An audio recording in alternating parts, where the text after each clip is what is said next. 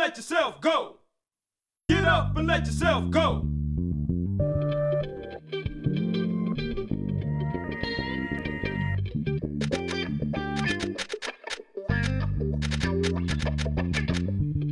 Shake it up, shake it up, shake it up. Hei og velkommen til denne podkasten fra Tro og tvil.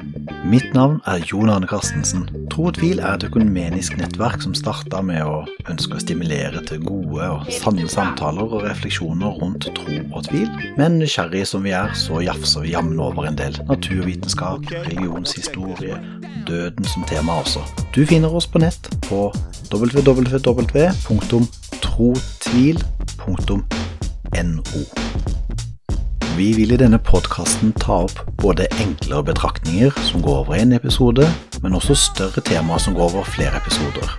Noen av de større områdene vil være religionshistorie, Guds vesen og døden. Temaet vil også påvirkes ut fra hva dere ønsker tatt opp, så skriv gjerne inn spørsmål og kommentarer til post alfakrøll trotvil.no, så svarer vi så fort vi klarer.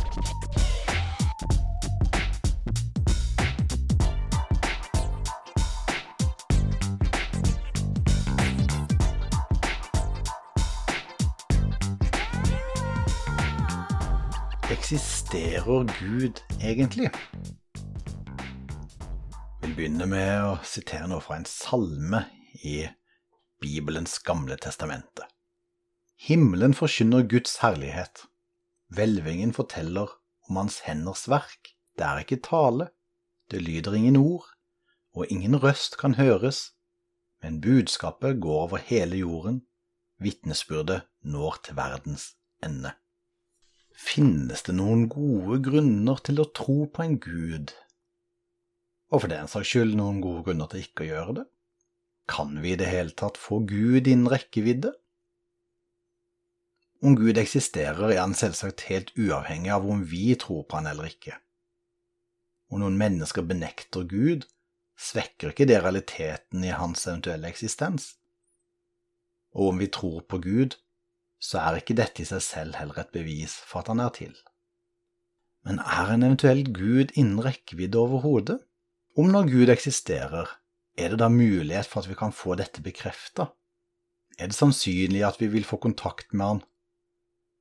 En engelsk filosofisk retning kalt deismen så for seg Gud som en fjern skaper, som etter skapelsens øyeblikk overlot verden helt til seg selv og til naturlovene. Etter å ha skapt så brydde han seg altså ingenting om hvordan det gikk videre med det skapte. På generell basis kan man selvsagt ikke finne ut hvordan en eventuell gud tenker. Men øh, hvorfor skulle han ta seg bryderiet med å skape noe om han ikke hadde det minste interesse av hvordan det gikk med det? Om vi videre skulle presisere spekulasjonene til den kristne Gud, så sier åpenbaringa som etter sigende skal komme fra ham, at Gud er veldig interessert i sin skapelse. Om vi tar utgangspunkt i at en eventuell gud antagelig er interessert i oss og resten av skaperverket, siden han først har skapt oss, så blir neste spørsmål om han i så fall vil samhandle med sitt skaperverk den dag i dag. Er det spor etter han i naturen? Har han gjort tilgjengelig noen kanaler mellom oss og seg selv? Deismens svar blir at Gud ikke kommuniserer direkte til oss i dag, og heller ikke griper inn i skaperverket. Han blir helt fraværende og utilgjengelig. Jehovas vitner hevder at han etter de første apostlene til Jesus var fjern for menneskene helt fram til Jehovas vitner oppsto. Men begge disse tankesett bygger på en såkalt vilkårlig postulat, altså en tilfeldig valgt standpunkt, om en fjernhet og passivitet til skaperverket.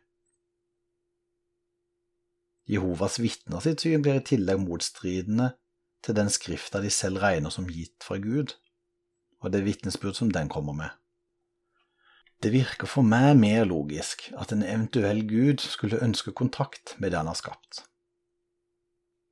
Det kan også se ut til å ligge flere ting både i naturen og i oss selv som kan kanskje peke mot noe utenfor det skapte. Selve jakten vår på Gud kan jo få oss til å undres hvor denne tanken kommer fra. For øvrig, i forhold til dette med kanaler mellom oss og Gud, så henviser jeg til en egen artikkel om filosofiske gudsbevis, som du finner på våre nettsider. Men dessuten så skulle en jo tro at den skapende Gud ville ha skapt noe ut ifra noen tanker som lå i hans vesen, for å si det slik.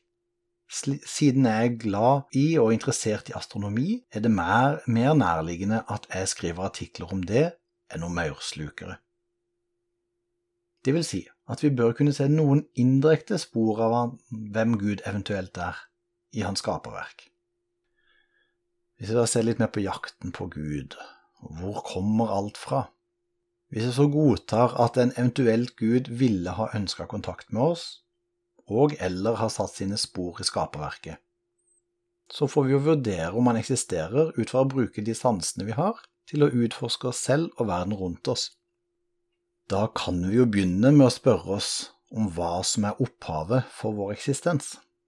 Ja, hvor kommer hele universet fra? Det finnes mange varianter av big bang-teori, multiversmodeller, evolusjonslære og endog Hawkins modell med imaginær tid. Men disse gir ikke, endog så hardt, et par av dem prøver. Noen gode svar på hva som skapte den kjedereaksjonen som gjør at du i dag leser dette. Hva er den første årsak til at rekken av ting begynte? Verden har ikke alltid vært til, så hvordan kom den til? Ble den skapt, eller utvikla den seg fra noe annet? Om den ble skapt, hva var det i så fall som skapte den? Om den utvikla seg fra noe, hva utvikla den seg fra, og hvordan oppsto dette i første omgang? Hva gjorde at en gang begynte tiden å gå, og rommets dimensjoner og universet å virke.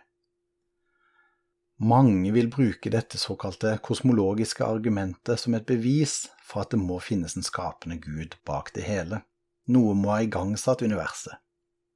For de som tror på multiversideen, så forblir spørsmålet likevel det samme – hva satte det hele i gang? Siden alle naturlover følger en årsak-virkning her, så må vi se etter noe utover naturens begrensninger.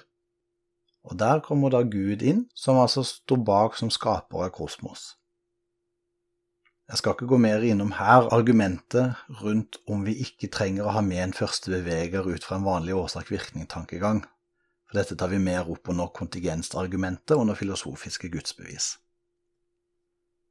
Hvordan oppstår livet? Livet som vi kjenner til det, er noe som produserer nytt liv. Vi har ennå ikke tross iherdige forsøk under laboratorietilstander, klart å skape liv fra død materie. Kan da virkelig uintelligent materie på egen hånd gjennom slump og tilfeldigheter en gang ha skapt liv? Den matematiske sjansen for dette er jo veldig liten, og det er kanskje dermed forståelig at noen naturalister har kasta seg over metafysiske ideer om multivers, kombinert med entropiske prinsipp for å forsvare denne tilfeldigheten. Velger man å tro på en utvikling som ikke er styrt av kaos og fullstendige tilfeldigheter, kan man tenke seg enten en spontan planlagt skapelse av liv fra intet, eller en planlagt og nøye styrt utvikling av naturen slik at liv oppsto. Uansett hvilke av disse modellene man går for, besvarer begge en del grunnleggende spørsmål. De peker til at det finnes en målretta og ikke-tilfeldig styring bak livet og vår eksistens. De peker begge på en bevissthet som har ønska seg oss og livet i verden, og altså de peker mot en gud. Men det er nå også noen ting som får det til å lugge i forhold til å tenke at det finnes en gud. En del avviser å tro på Gud fordi de aldri har sett eller hørt ham. Det synes jeg er veldig forståelig. Dog er det også mange størrelser her i verden som vi ikke fatter med det blotte øyet. Vi har aldri sett kjærlighet med våre sanser. Selv om vi kan måle de elektriske impulsene i hjernen, beskrive de kjemiske reaksjonene som foregår. Men vi mener vel at morskjærligheten er reell fordi om ikke det kan måles. Sorg er et annet eksempel på ting vi ikke empirisk enkelt kan få ned i en formel eller måle med målebånd, men som likevel er reelle størrelser i våre liv. Om det finnes en gud som har skapt universet, så er han jo på sett og vis utenfor det. Han er ikke en del av tid-rom-bobla vår, selv om han kan tenkes gå inn i den. En eventuell skaper er ikke bonden av tiden eller naturlovene slik vi er det, da det jo er han som har skapt tid og rom. Vitenskapelige bevis bygger på våre sanser og metoder for å forske vår verden. Problemet her er at en gud jo nødvendigvis må være kvalitativt annerledes enn hans skapte verden. Selv om det antagelig er noen likhetstrekk også, som nevnt tidligere, så har vi altså ikke redskap i naturvitenskapen til å forske på Gud, siden han ikke er bonden til å være en del av tid-rom-bobla vi lever i og kan forske på. På samme måte kan vi ikke bruke en kalkulator til å beregne en mors kjærlighet til sitt barn, ikke fordi kjærligheten ikke er der, eller at det er noe galt med kalkulatoren, men fordi den måler andre ting enn følelser. Så har jo dette med se hva de troende har gjort, og lidelsen i verden. Noen sier som så at eh, jeg skal i hvert fall ikke tro.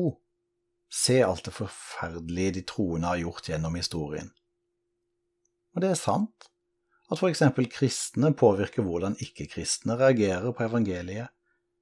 Det er masse dumt eh, som er gjennomført av religiøse mennesker, som det er av ikke-religiøse. Men vi kan vel ikke sette helt likhetstrekk mellom hvordan enkelte som påberoper seg en tro, oppfører seg, og om religionens budskap er sant eller ikke. Hadde religionen forkynt, for eksempel eh, kristendommen, hadde evangeliet forkynt at når man først tok imot kristendommen, så slutta man å synde? Da hadde dette vært en gyldig anklage, men Bibelen lærer jo slett ikke dette. Tvert imot forkynner kristendommen at eh, man på grunn av sin syndige natur trenger nåde. Hva noen har gjort, er altså ingen avgjørende logisk innvending mot Gud, eller mot en religions sannhet. Men samtidig sier eksempel kristendommen at en skal kjenne troen på fruktene, så det er altså også et relevant spørsmål. Med alt det vonde som rammer uskyldige mennesker i denne verden, vil mange, også i de kristne rekker, føle trangen til å rope med disiplene til Jesus når det var storm på sjøen. Mester, er du like glad med at vi går under? Lidelsens mysterium er en uforståelig gåte. Den kristne vil her tenke at vi aldri helt vil kunne gripe dette før vårt slør tas bort etter døden, jf. hvordan det er formulert i første Korinterbrev i Nye testamentet. Olav Muller sa det slik. En kan jo prøve å forsvare Gud gjennom skolastisk filosofi, hvor en kan resonnere med at det onde skyldes en mangel på en fullkommenhet som hører med til eh, en tings vesen. Nå kan ikke Gud skape en mangel, bare vi mennesker kan gjøre mangelfulle ting, altså skyldes lidelsen oss og ikke Gud. Men selv om dette kan være sant nok, så vil det likevel kunne være en mager trøst for ei jente som opplever incest natt etter natt, at det er farens ondskap og ikke Guds likegyldighet som ligger bak? For hvorfor lar Gud oss få så mye frihet når vi er så slemme mot hverandre? Vi kan gjøre onde gjerninger imot Guds vilje. Det er tydelig, så sant man tror at det finnes en Gud, og at denne Gud er kjærlighet. Men Gud hindrer oss tydeligvis ofte ikke, og det er vel på grunn av at Han har gitt oss en fri vilje og et forvalteransvar overfor jorda og hverandre. Hadde vi fått fri vilje til å gjøre bare akkurat hva Gud mener, hadde det vel neppe vært fri. Men hvorfor har Gud da skapt oss med fri vilje når han visste at vi ville misbruke den? Til det kan det tenkes at det er for at vi skal være i stand til å elske, og da må vi kunne gjøre det i frihet. Men noen som må gjøre noe ut fra tvang, de gjør det ikke ut fra kjærlighet, en robot kan ikke elske. Noen har også tenkt rundt dette mer filosofiske argument ut fra Guds vesen. Skapte ting, men bare skapte ting, har avhengighet som en del av sitt vesen. Gud derimot er totalt uavhengig av alt annet enn seg selv. Hadde han forandret sin plan om å skape seg sitt bilde med forstand og fri vilje, så ville planlegginga gjort ham avhengig av oss, noe som ifølge hans vesen er umulig. Nå kan dette argumentet også diskuteres videre, men da beveger jeg meg for langt utover hovedpoenget. Uansett, skal vi slå oss til ro med sånne svar? Absolutt ikke. Filosofiens kalde logikk kan vanskelig behandle all smerte og fortvilelse vi møter i verden. Den kristne vil finne noen knagger og antydninger rundt det ondes problem. Den beskriver en Gud som er kjærlighet, og som i sin hellighet ikke tåler ondskap. Den beskriver videre hvordan Gud ikke er distansert, men nærværende midt i lidelsen. Han var der midt i Auschwitz og menneskets systematiske ondskap, og led.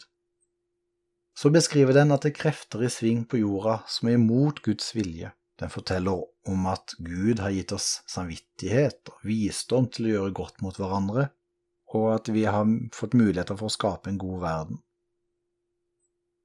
Tenk hvor mye som hadde vært annerledes om vi kunne droppe enorme krigsutgifter og brukt pengene til forskning, helse med mer.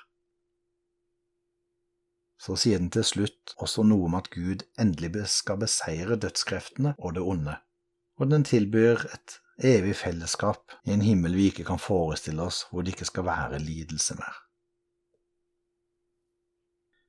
Det er mange andre moment en kan trekke fram i jakten på Gud. Dette var kun ment å være en liten smakebit fra ett perspektiv eller noen perspektiv.